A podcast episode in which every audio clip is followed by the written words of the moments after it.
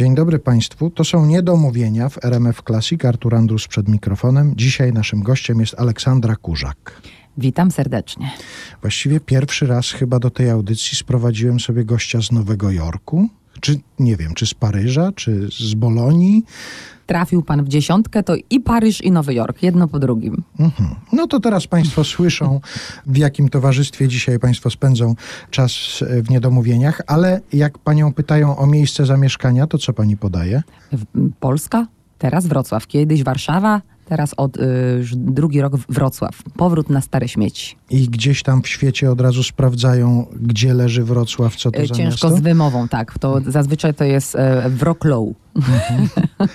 A w ogóle sobie pomyślałem, że pani funduje miłośnikom opery na całym świecie też taki przyspieszony kurs języka polskiego, bo jak pani nazwisko wypowiadają. O matko, więc moim nazwiskiem było rzeczywiście, ja już wolę, żeby wypowiadali to nazwisko każdy po swojemu, niż przekręcają i twierdzą, że oni wiedzą, że to nie tak, jak oni to czytają, więc jest albo Kurcak, w Niemczech powinno być, lub Karsak, albo Kurdzak, a we Francji będzie Kurzak, więc nie wiedzą jak i przekręcają wszyscy na ten sam sposób kurczak.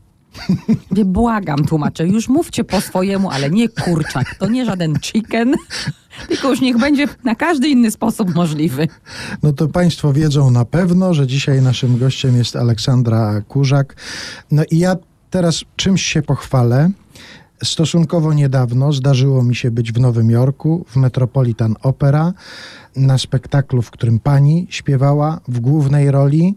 I wie pani, co ja poczułem, kiedy pani wyszła na scenę i jeszcze na koniec spektaklu, kiedy usłyszałem, jak panią oklaskuje ta publiczność Metropolitan Opera, takie coś, matko, ona nasza, ona jest, no duma, po prostu duma. Cieszę się bardzo. Ja tak samo mam, tak samo jak chodzę na, na spektakle czy koncerty y, kolegów Polaków czy koleżanki, dokładnie odczuwam to samo. To jest porównywalne oczywiście, z, nie wiem, z odczuciami, z, y, które odczuwamy przy okazji, nie wiem, występów naszych sportowców. Myślę, że to jest naturalne. No, I bardzo miłe, że, że powinno być przynajmniej naturalne, że, że jest taka duma i jest takie szczęście, że jest jesteśmy jakoś tam w godny sposób reprezentowani w świecie. A od kiedy jest taki moment, no trzymajmy się tej Metropolitan Opera w Nowym Jorku, od kiedy jest taki moment, kiedy pani się pojawia na scenie i się rozlegają oklaski? To było niesamowite uczucie, to się stało rzeczywiście przy tej partii Toski. Debiutowałam na tej scenie już mówię, w lutym, bo to było zaraz, moja premiera była tuż chyba bodajże dzień czy dwa dni później po, po tym, jak wybuchła wojna w Ukrainie i no nie, nie było mi totalnie do uśmiechu i do radowania się rzeczywiście, e, jak, jak szłam na ten spektakl, bo jakoś w pewnym momencie wydawało mi się bez sensu to, co ja robię. Idę i śpiewam, jakiś tak zwany entertainment, rozrywka dla ludzi, a tu są tak straszne rzeczy i ktoś mi kiedyś powiedział, ale napisał wtedy, pamiętam, podzieliłam się z tym w mediach społecznościowych, z tym moim odczuciem, i dostałam niesamowite wsparcie od państwa z różnych stron świata, gdzie powiedziano, że właśnie, właśnie nie, właśnie to jest potrzebne, trzeba dać jakąś nadzieję, ukojenie dla duszy, tak, że to jest bardzo ważne, to jest też może być misyjne podejście do zawodu wykonywania właśnie muzyka artysty, że nie zawsze te rzeczy są tak ważne, które są namacalne. I wtedy właśnie po raz pierwszy zostałam przywitana oklaskami na wejście, co zupełnie, jak to mówiła moja babcia, która też pochodzi z dawnych ziem polskich, z zbiło mnie z pantałyku, bo było zupełnie niespodziewane i tak już było za każdym razem, za każdym pojawieniem się w tej partii, w tej roli na scenie. Było to niesamowite przyjęcie właśnie oklaskami, a było to już kilkanaście razy. Bardzo to było miłe, bardzo miłe.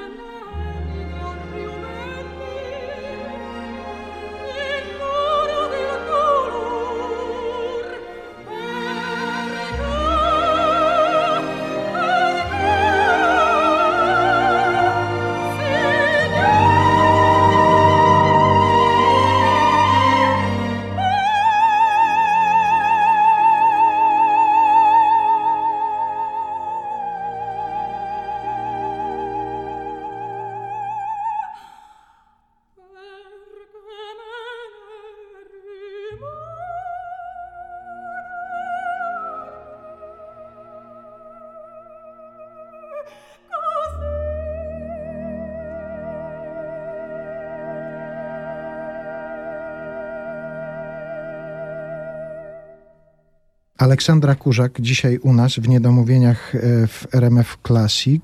To co teraz z pani marzeniami zawodowymi? Bo pani jakiś czas temu powiedziała w pewnym wywiadzie na pytanie, czego życzyć, to butterfly i toski i nie będę już miała o czym marzyć. To prawda, tak powiedziałam, ale mówi się, że apetyt rośnie w miarę jedzenia i coś w tym jest. E, rzeczywiście zasmakowałam się i rozsmakowałam się niesamowicie w Puccinim. To jest mój absolutnie kompozytor numer jeden. Uwielbiam tę muzykę, uwielbiam historię, libretta, do jakich te opery są napisane. To jakby bardzo pasuje mojemu temperamentowi. Ta akcja sceniczna jest wartka, taka prawdziwa. No jest to jakby przedstawiciel opery verismo, czyli od słowa vero, prawdziwy. Do czynienia mamy z, ze zwykłymi ludźmi, takimi jak my e, w tych operach Pucciniego i myślę, że to będą kolejne role Pucciniego. Następna to była e, rola przepiękna w tryptyku Pucciniego, druga część, e, siostra Angelika. Akurat znowu to marzenie mam nadzieję się spełni, nie zapeszę, bo to ma być na początku przyszłego sezonu w Nowym Jorku również. No i jeszcze taką kolejną rolą marzeń byłaby tutaj mm, Maną Leską właśnie Pucciniego, żeby dołożyć, e, zbudować większy wachlarz tych ról puczniowskich. I wtedy już pani nie będzie miała żadnych marzeń. No tak dzisiaj powiem i znowu się okaże, że nie. No i dobrze, no i niech się pojawiają te kolejne marzenia. Porozmawiajmy troszkę o, o tym świecie teatru operowego, graniu właśnie w takich spektaklach, o popularności, która przychodzi. No właśnie, pani powiedziała gdzieś kiedyś, aby zdobyć uznanie w kraju, musimy najpierw zapracować na nie za granicą. Czy ta popularność, którą ma pani właśnie w Nowym Jorku, w Paryżu, jest inna niż ta, która jest tutaj w Warszawie? To zależy, jak, z której strony na to popatrzymy. Jeśli chodzi tutaj o jakby takie środowisko fanów typowo związanych z muzyką klasyczną, z operą, to myślę, jest to porównywalne na całym świecie, no bo, bo, bo interesujemy się tym i znamy te osoby z tego świadka artystycznego. Natomiast wydaje mi się, że taką jednak medialną ze względu na na mój flirt, że tak powiem, z innymi też gatunkami muzyki w Polsce, bo, bo i śpiewałam i z Krzysiem Cugowskim, i z Sebastianem Karpielem Bułecką. Także z, z, spoza jakby tutaj klasyki, to są udziały właśnie w audycjach radiowych, czy w programach telewizyjnych, jakieś gazety.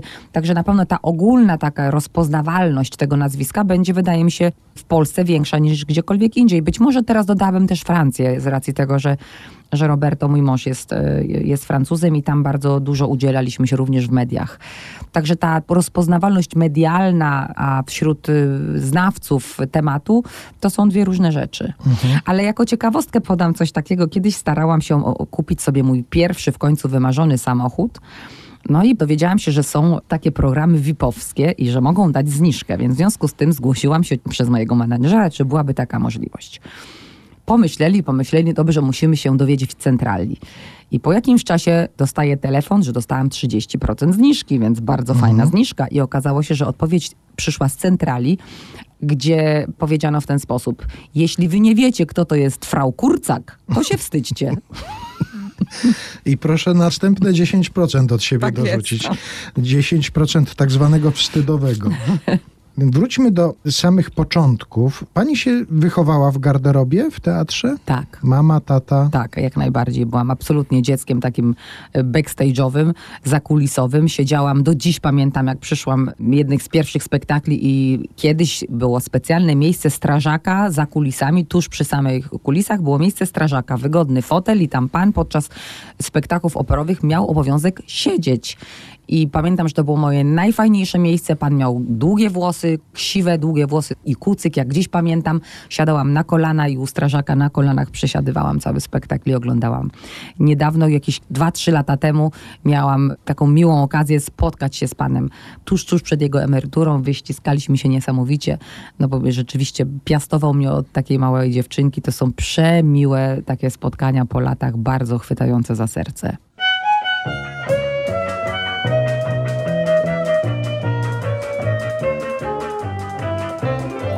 Zabawny dosyć fakt, za chwilę wam powierzę Co wiele temu lat wydarzył się w operze. Raz powiem z kilku dam asystą znakomitą. Zawitał kiedyś tam Puccini, kompozytor. W tym czasie zaś nad Butterfly Madame Pracował pan Puccini już rok przeszło. Lecz tego dnia od rana czuł to sam Wyraźnie coś, wyraźnie coś mu nie szło. W antrakcie wziął cygarko w drżącą dłoń. Tym wciągać ją nerwowo raz przy razie. gdy strażak się dyskretnie zbliżył doń, by przestrzec go w perlistej dźwięcznej frazie. Proszę zaraz zgasić ten ty i toniowy wirus. Drogi panie, tu nie wolno palić, grozi za to mandat pięćset lirów. Pa, pa, pa, pa, pa, pa, pa, pa, pa, pa, pa, pa, pa. Dobrze, dobrze. Zawsze tak jest, że jak ja chcę sobie raz ładnie pośpiewać, to mi koledzy nigdy nie dadzą. I słuchał tego pan Puccini, kompozytor. I czuł, przysięgam wam, ach, czuł, że coś mu świta. I następnego dnia operze dał swe dzieło. Zwyczajne pa, pa, pa, a tak to się zaczęło. I grano tam te butterfly madam. Jedną damską pierś dławił łkanie I strażak łkał, jak Bóg, przysięgam wam. A jedną arię z góry znał na pamięć. A jeśli ktoś w antrakcie na foyer zapalić w miejscu chciał niedozwolonym, pan strażak do nich dyskretnie zbliżał się, by przestrzec go tenorem przyciszonym. Nie wolno tutaj palić, kochany, daruje pan, lecz nie wolno tu palić i niezła melodyjka. A Puccini wsłuchany uśmiechał się bosko, bo w tym czasie akurat pracował nad Toską. Panowie, wznieśmy czasem z serca toast szczery. Więc mówię, że ja głosu nie mam. Za wkład straży pożarnej w historię opery.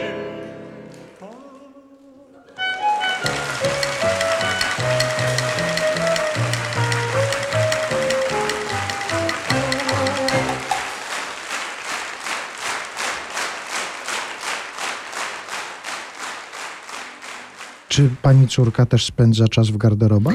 Tak, córka też z nami jeździ od najmłodszych lat, nawet od pierwszych miesięcy życia, bo po raz pierwszy poleciała ze mną do, do Francji, do, tato jej występował w Avignonie w operze e, Le Dernier Jour de Condamné, czyli Ostatni Dzień Skazanego, na podstawie, opera na, napisana przez brata Roberta Davida Alanie, e, na podstawie powieści Wiktora Hugo. Malena miała dwa miesiące i po raz pierwszy ze mną poleciała rzeczywiście do, do Francji. Poszłyśmy razem do opery, przesiedziała ze mną nawet na spektaklu, przesiedziała, przeleżała w moich ramionach, nie przespała cały pierwszy akt, nie odezwała się, więc to było duże zaskoczenie i ryzyko wziąć takiego niemowlaka na widownię, ale widocznie była przyzwyczajona jeszcze gdzieś tam w brzuchu mamy do tych dźwięków, bo nie robiło to niej, na niej najmniejszego zna- efektu. Potem no, objeździła z nami już połowę świata i te wszystkie największe sceny operowe ma zaliczone.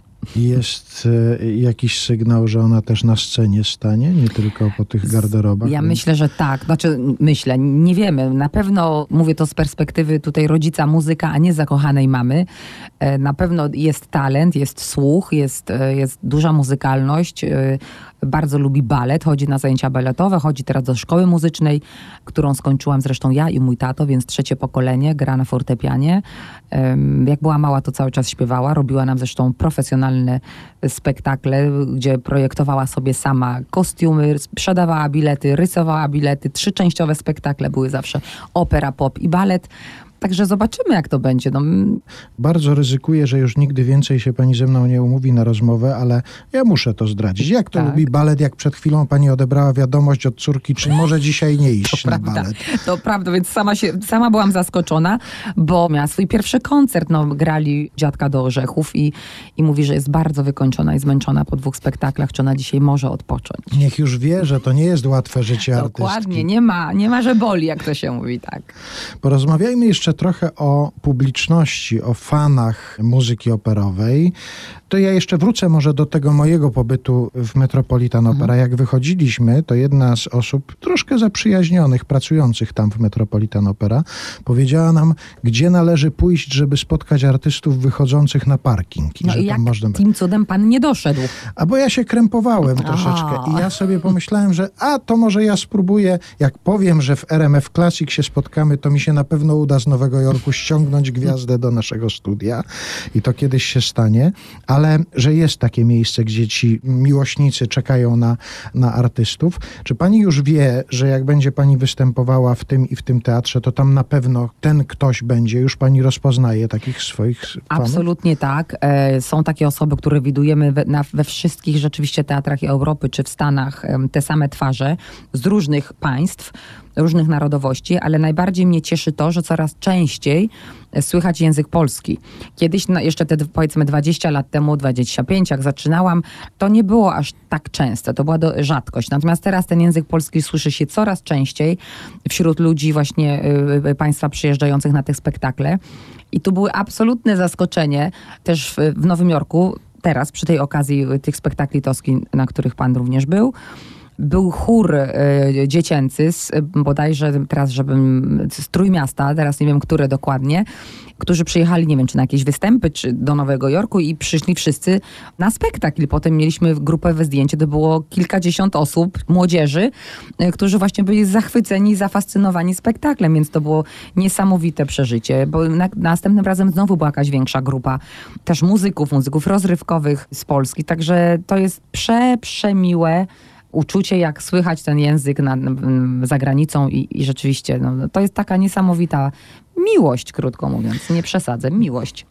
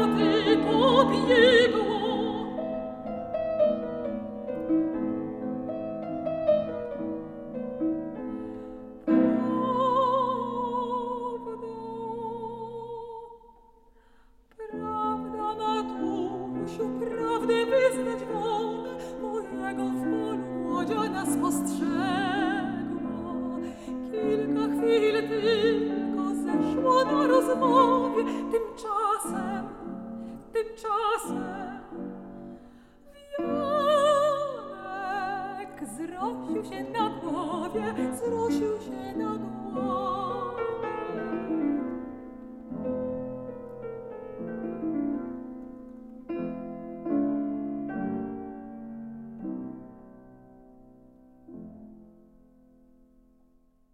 Wie pani, co musi dawać takim młodym ludziom, którzy śpiewają właśnie jakimś takim młodzieżowym chórze, spotkanie z kimś, kto też jest z ich kraju, no a teraz jest gwiazdą Metropolitan Opera, jakie to musi robić na nich wrażenie i jaką to nadzieję w takie młode serca musi wlewać i wiarę w to, co robią tak naprawdę. Tak, myślę, myślę, mam nadzieję, że tak jest i to, że to jest właśnie inspirujące, to jest coś, doda- dodaje wiatru w skrzydła i, i, że coś być może zrobią z tym zawodem kiedyś właśnie w stronę solistyczną, więc e, ja bardzo lubię takie spotkania. Zresztą teraz od niedawna, od roku, w zeszłym roku podjęłam się również, no tylko przez rok, bo jednak nie udało mi się pogodzić pracy zawodowej, koncertowej z, z pracą dydaktyczną. Przez rok udzielałam również lekcji śpiewu, jako że pochwalę się, już jestem profesorem sztuki, sztuk muzycznych, pani profesor doktor habilitowany, więc się e, wyuczyłam i dawałam rzeczywiście te lekcje śpiewu w postaci takich kursów mistrzowskich studentom w Akademii Wrocławskiej. I muszę powiedzieć, że odkryłam w sobie coś taką drugą pasję. Nie spodziewałam się, że raz, że będę umiała to robić, że będę, bo co innego dobrze śpiewać, co innego potrafić przekazać tą wiedzę. Nie zawsze dobry śpiewak musi być dobrym nauczycielem. i że pomogę tej młodzieży, tym młodym ludziom. I niesamowita satysfakcja z tego, jak widzisz radość w oczach, że raptem coś działa. Że ktoś przychodzi z jakimś problemem, po dwóch lekcjach, nawet po jednej lekcji czasem wychodzi i wow, udało się. Więc to jest bardzo, bardzo fajne, bo nie, nie zapomniałam, gdzie jeszcze niedawno ja byłam i jakie to było ważne. A wracając jeszcze do tego takiego miejsca, w którym publiczność czeka na swoich artystów po spektaklu, żeby ich zobaczyć, żeby im pogratulować, żeby się nimi jeszcze pocieszyć. Czy pani bywała w takiej sytuacji właśnie publiczności? Czy pani na jakiś koncert kiedyś pojechała i czekała na jakiegoś artystę? Nie. O? Nigdy nie, było nie, z- takiego. nie. Po tych, to były tylko występy mojej mamy. Po tych występach oczywiście no, gdzieś za kulisami, a później na widowni, ale ja się ja byłam bardzo, bardzo wstydliwa. Pamiętam, że raz w życiu namówiono mnie tylko, żebym wniosła kwiaty na scenie i myślałam, że dostanę zawału jakiegoś i to był koszmar. Ja do dziś to pamiętam, jak ta... Wolę śpiewać toskę niż wnosić Absolutnie, kwiaty. tak. To była, to była partia, to była opera Halka. Mama śpiewała tam rolę Zofii, tą mniejszą, lżejszą rolę sopranową i jej koleżanka, przyjaciółka Maria Łukasik, znakomita śpiewaczka, właśnie Toska i Butterfly, niestety, która już odeszła jakiś czas temu, e, śpiewała rolę Halki. One mnie chwyciły za rękę i wyciągnęły do ukłonów. Ja im się wyrwałam, narobiłam wstydu, uciekłam z tej sceny, schowałam się za kulisami w jakichś starych dekoracjach. Rodzice mnie ponad godzinę szukali po spektaklu, gdzie ja jestem. Ja myślałam, że ja umrę ze wstydu, że ja musiałam wejść w te reflektory, więc totalnie rodzice myśleli, że ja w ogóle nie będę miała nic wspólnego kiedyś z tym zawodem właśnie przez tremę. A dzisiaj pochwalę się i to jest niesamowite, tej tremy nie mam w ogóle. I to kiedy nastąpiło? Kiedy minęło? Na początku myślę, że to też dużo dało tutaj takiej zaprawy w boju ta szkoła muzyczna, bo to jednak 12 lat gry na skrzypcach i te ciągłe popisy, koncerty w szkole, więc to na pewno człowiek ma jakieś takie obycie ze sceną. Ale to myślę w momencie gdzieś takim, jak już wiedziałam, że to nie jest kwestią przypadku, że raz wyjdzie, a nie wyjdzie, tylko że jest to podparte techniką i umiejętnościami i ja wiem, że wyjdzie, bo ja wiem, co ma zrobić, tak, żeby móc to dobrze zaśpiewać. I w tym momencie pojawił się spokój. Oczywiście jest jakaś adrenalina, która, jak każdy ma takie przed wejściem, wejściem na żywo, ale to nie jest nic paraliżującego i nic, co nas gdzieś e, zamyka, totalnie zaciska gardło. Tylko jest olbrzymia radość z tego, że można podzielić się tą swoją pasją, miłością, chęcią przekazania emocji piękna.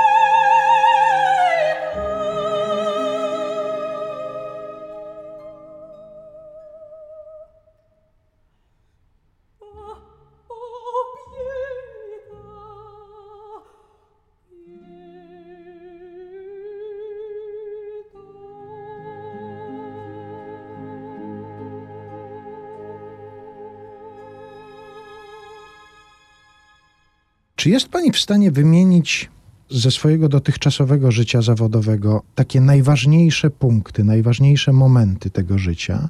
Konkretne koncerty, miejsca, spektakle? Tak, tak. Myślę, że zaczęłabym od konkursu Moniuszkowskiego. To był 98 rok. Warszawa i na którym to poznałam panią profesor Kremling-Domański, która jest śpiewaczką i profesorem na uczelni w Hamburgu. Jej mężem był zresztą y, warszawiak, laryngolog, e, więc bardzo dobre połączenie śpiewaczki z laryngologiem. I dzięki niej ona dodała mi skrzydeł, odwagi, żebym jakby uciekła spod tych skrzydeł matczynych i rodziców, trochę takiej, może nie wychuchanej, ale jednak jedynaczki. Przez studia mieszkałam cały czas w domu z, z rodzicami i wyjechałam na studia podyplomowe do Hamburga. To był taki pierwszy moment, gdzie uciekłam, wyleciałam e, tu taki, z takiej klatki.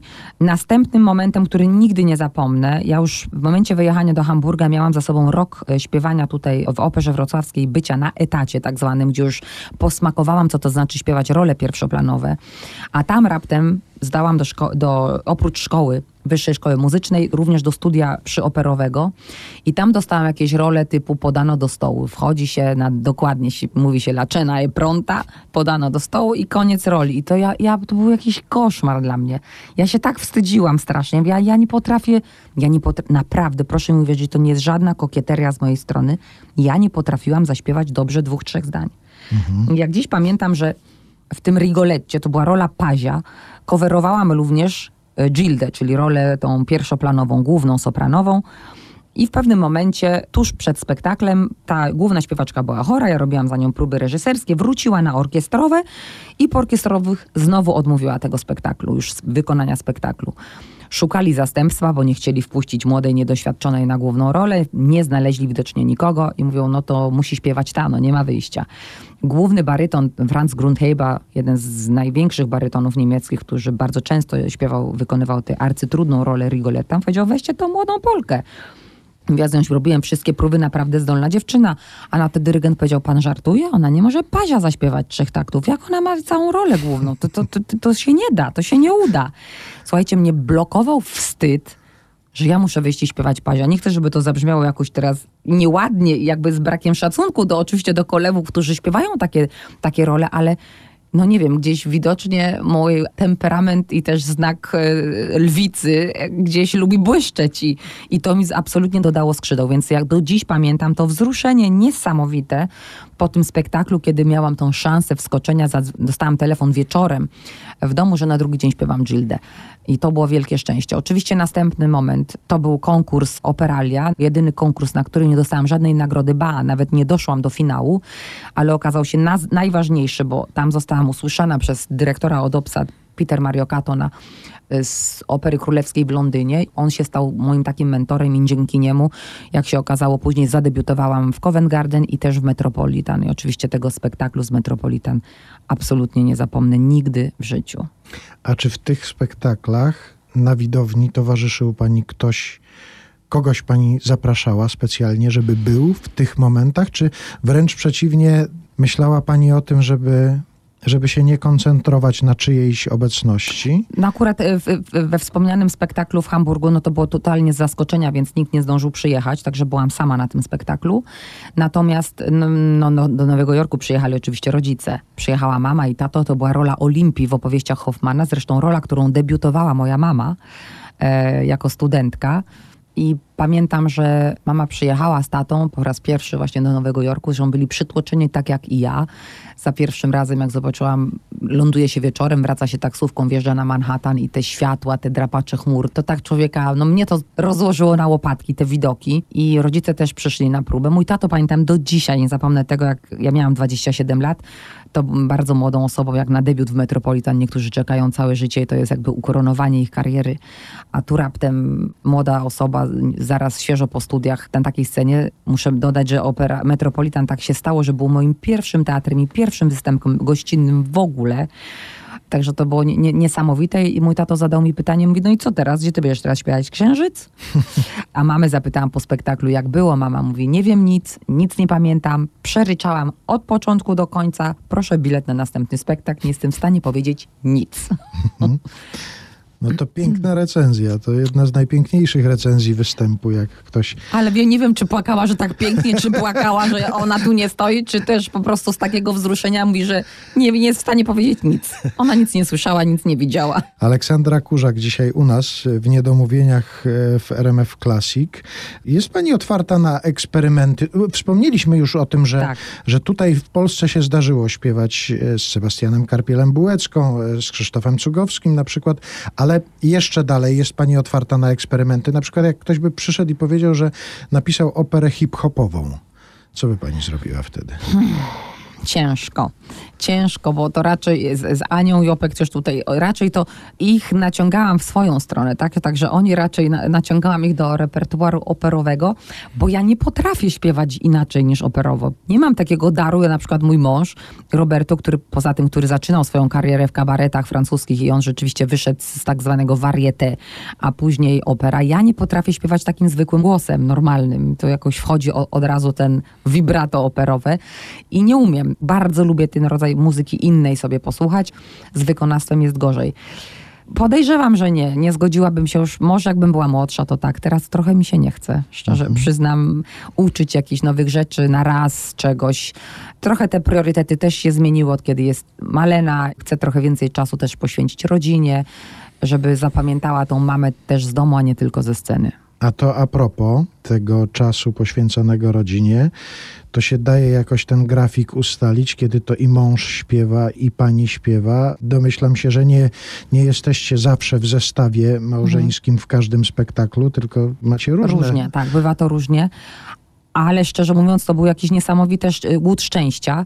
Przecież poznaliśmy się też na, w Covent Garden przy okazji napoju miłosnego, gdzie też wszystko mówiło, i, żeby, że do tego spotkania nie dojdzie. Roberto nie śpiewał tej roli 17 lat. Dostał tą propozycję od dyrektora. Mówi, słuchaj, ale ja, ja już jestem po Aidzie, cięższym repertuarze. Mi nie bardzo już mi się widzi wracać do takich ról no, no, z młodości już. Poza tym to inne pokolenie tych śpiewaków. Ja się będę czuł stary, jak ja będę przy nich wyglądał? Mówi, jakoś nie wiem. No ale on namawiał, namawiał, mówi okej, bierzesz, mówi podejmujesz ryzyko, ja też. Po czym Roberto stwierdził, że mówi wygooglowałem cię, zobaczyłem zdjęcie, mówi okej, no nie wyglądasz tak młodo, nada się. Więc tak się stało. Natomiast ja tuż przed premierą dostałam również pyta- zapytanie, czy mogę jednak wskoczyć w inny spektakl. Była nowi- robiona nowa produkcja Roberta Diabła, więc bardzo rzadko wykonywana opera. E, Śpiewaczka wycofała się, y, okazało się, że jest w ciąży i wycofała się ze spektakli. Ja miałam niecały miesiąc, może trzy tygodnie do premiery Mówię, w życiu. No nie nauczę się tej partii. Nie mówiłam jeszcze wówczas po francusku i powiedziałam do mojej mamy, to jak dziś pamiętam, wiesz co, poza tym chcę mieć w, w, napisane w życiorysie chociaż raz, że zaśpiewałam za Lanią. I tak się spotkaliśmy. Jak się okazuje, kilka miesięcy później jesteśmy w Wiedniu. Ja śpiewam co innego, Roberto co innego, ale jesteśmy znowu razem. Zobaczyliśmy nas, nasze grafiki. Okazało się, że jesteśmy cały czas w tych samych miejscach, nie śpiewając razem. A później potoczyło się tak, że jednak dostaliśmy bardzo dużo propozycji wspólnych występów. No i jakby nie planując niczego, to były naj, jednak najpiękniejsze 6 lat, 6-7 lat, gdzie rzeczywiście występowaliśmy właściwie cały czas razem, bardzo dużo razem. Malena wszędzie z nami jeździła, więc mogliśmy stworzyć ten dom dla, dla naszej córki po prostu wszędzie i nie miała jakiejś odczucia braku rodziców, co jest bardzo ważne w tak młodym wieku. No dobrze, ale to, to, Teraz już jest inaczej. A, ale to ustaliła pani, kto to zrobił, bo ja nie wierzę, że to się tak samo ułożyło po prostu. Przyrzekam z ręką na sercu, absolutnie nikt nigdy, przenigdy nie używaliśmy ani ja, ani mój menadżer, ani Robert jakiegoś pressingu, bo ja gdzieś, jeśli jadę gdziekolwiek występować, to proszę mi uwierzyć, dużo ważniejsze jest dla mnie poczucie, że jestem chciana danym teatrze, a nie, że ktoś wymusił, żeby tam na siłę, żebyśmy wystąpili razem, więc Nie, nie, nie, to ja nie w takich kategoriach, Tak. tylko pomyślałem sobie, że może ktoś was po prostu w ten sposób swatał. Nie, że tak wam... nie mam pojęcia, no tak, może swatali nas wszyscy dyrektorzy, bo bywa tak oczywiście, są takie, ja znam to z opowiadań, sprzedawanie, że tak powiem brzydko, śpiewaków. Y, Dobrze, może pan wziąć to i to nazwisko, jeśli pan weźmie to i to. To są takie zagrania menadżerów, ale ja bym osobiście naprawdę dla własnego poczucia, własnej godności co jest dla mnie bardzo ważne, nigdy bym się na coś takiego nie zgodziła. A jak to teraz wygląda? To znaczy macie już tak rozpisane, na, no, kontrakty podpisuje się z dużym wyprzedzeniem. Wcześniej prawda? było tak, przedpandemiczne czasy były zupełnie inne. To były rzeczywiście zapełniony 5-6 lat do przodu kalendarz. Pandemia przewróciła absolutnie do góry nogami wszystko. E, Nawet takie teatry jak Met w ostatniej chwili jeszcze zmieniają na przykład następny sezon. Raczej będzie to tak wyglądać, że te nasze występy myślę będą rzadsze razem, bo jednak jedno z rodziców wolelibyśmy, żeby zawsze zostało już wtedy w domu z Maleną. Mamy w planach wspólne koncerty, no ale już nie tak dużo jak wcześniej. A jest jakaś zasada, której się pani trzyma, że na przykład w jakimś okresie pani nie śpiewa, odkłada pani ten czas tylko dla siebie i proszę mi tutaj nie, nie planować żadnych, żadnych występów, czy reaguje się na. Czasem na to jest propozycje? pełen spontan, czasem to zależy jaki teatr, jaka rola, ale na przykład staram się i postanowiłam sobie tak, że narzucę sobie taki reżim. Na przykład, jeśli jestem w Stanach, powiedzmy przez półtora, dwa miesiące, to jednak przyjadę do domu i ten minimum miesiąc wtedy bym chciała posiedzieć i jednak złapać jakiś balans. Czyli to właściwie życie marynarza takie trochę. Jak najbardziej. Dwa miesiące na morzu, dwa miesiące w domu.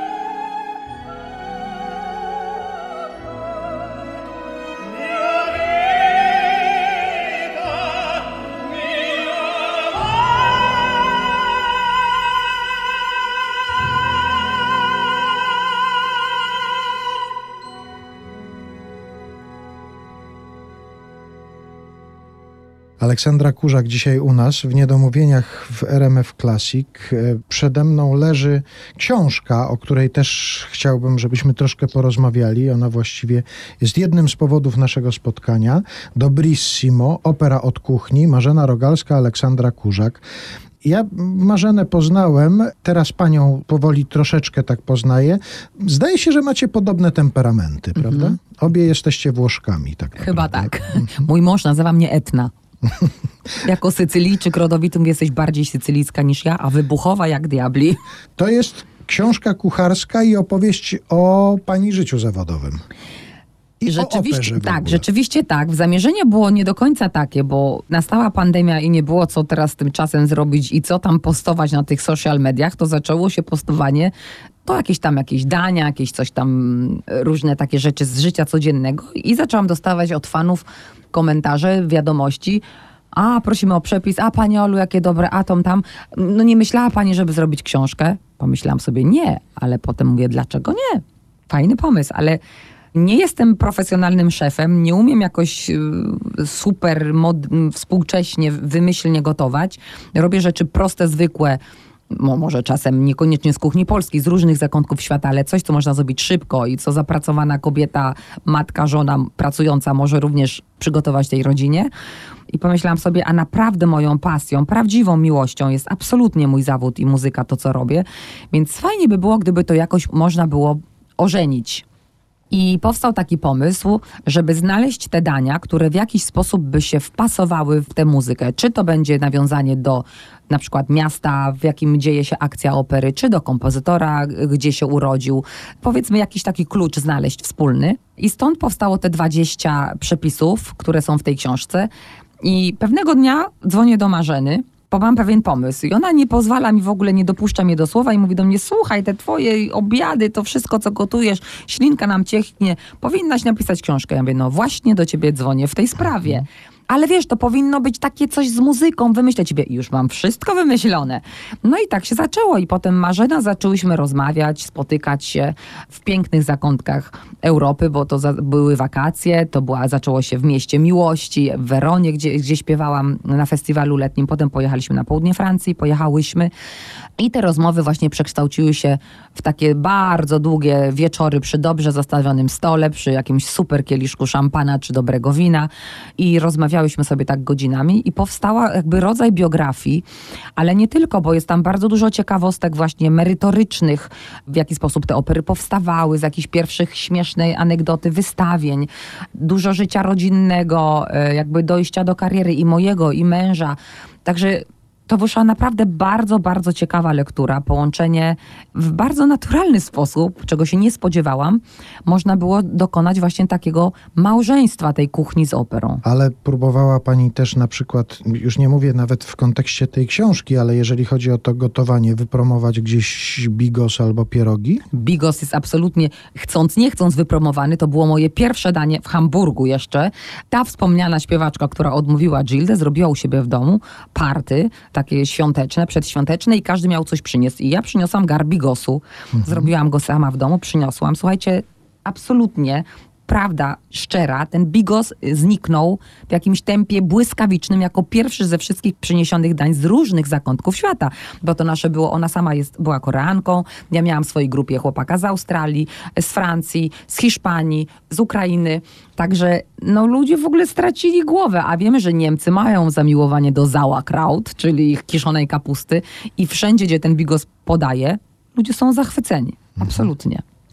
A jak już ta książka się ukazała, to zaprzestałyście tych biesiad z Marzeną Rogalską, czy w jakiś sposób udaje wam się jednak No od teraz, czasu do jak, czasu? jak się widujemy teraz przy okazji oczywiście też promocji, to staramy się, aby po takich miłych spotkaniach pójść dalej. Na przykład ostatnio miałyśmy absolutną, królewską kolację e, w Krakowie. u Wspaniałego szefa. Jego restauracja, muszę zareklamować, nazywa się Szenikola.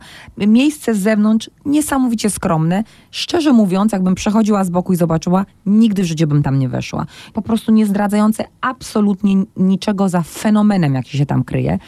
Jest to Chińczyk, który przez wiele lat gotował w, w Paryżu. Zaprosił nas na tą kolację przez Instagram.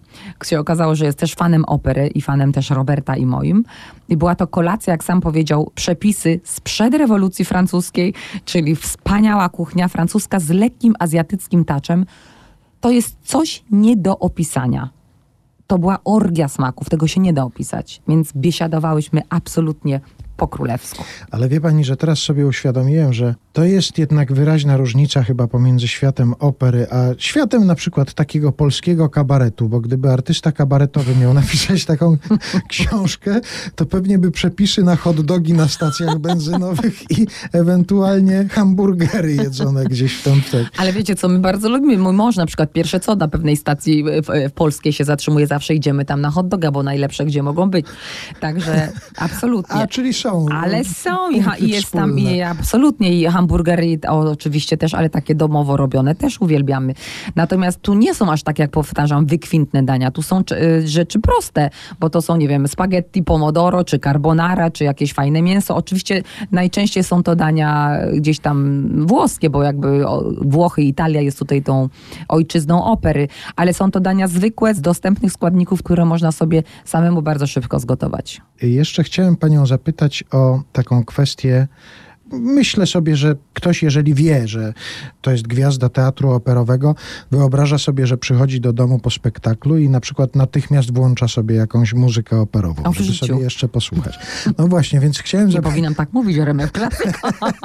Nie, ale to jest chyba naturalne, no bo to tak jakby oczekiwać od lekarza, że wróci do domu i jeszcze będzie pytał, czy kogoś coś nie boli przypadkiem, tak? Tak. Czy bym nie poleczył jeszcze. Ale jakiej muzyki słucha Aleksandra Kurzak? Jak, jak chce sobie Wiecie co, to, to jest bardzo... Ja, ja nie słucham. Ja, jak odpoczywam Cisza, w ciszy, tak? ja tak, Tak. Mhm. ja kocham ciszę. Absolutnie. Kocham samotne spacery, najlepiej na, na, na plaży, na brzegiem morza. To jest coś, co mnie totalnie rozbraja i gdzieś tam chilloutuje i, i, i oczyszcza mój umysł.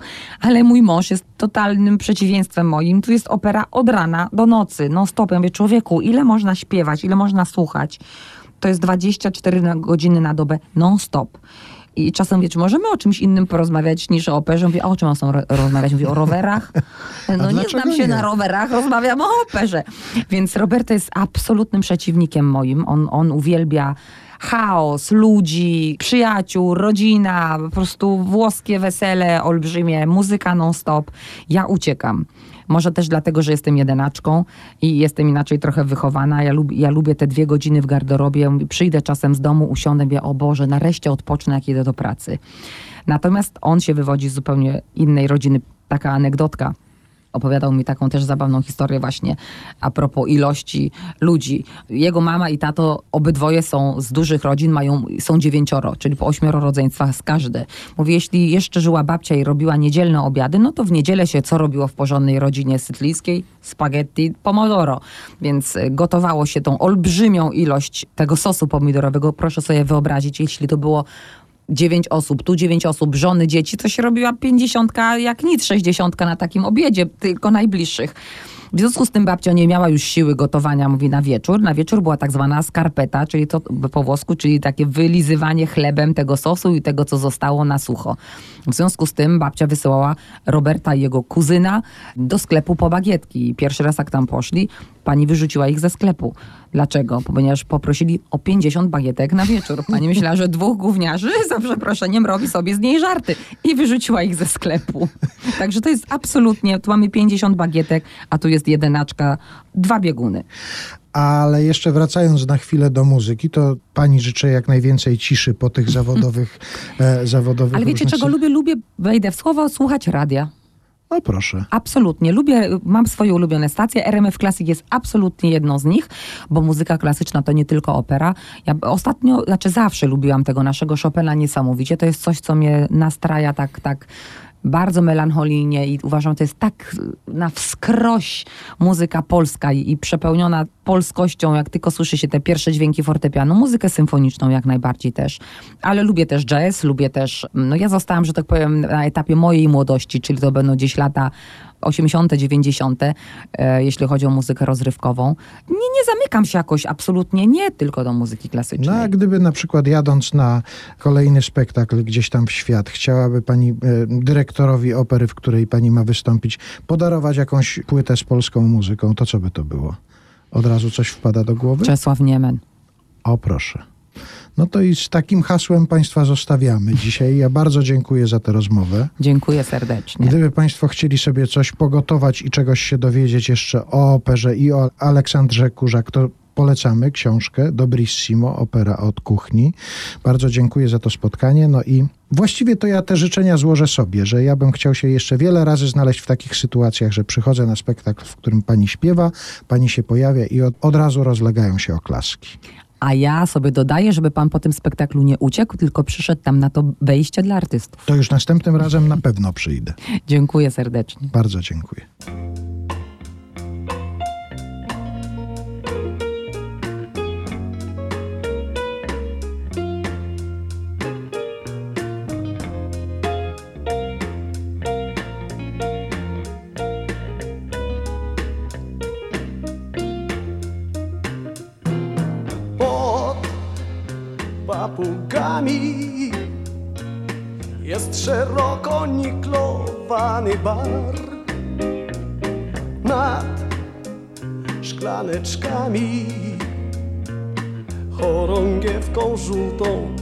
Świeci skwar tu dziewczętami.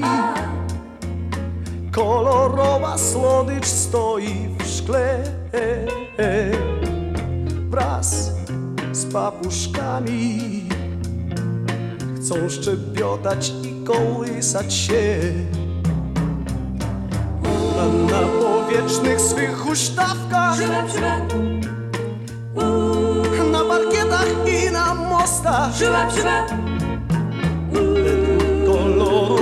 Włosów sukien i według wzrostu. Pod papugami wisi lustro, którym każdy ma. Most z lampionami. Promenadę do białego dnia.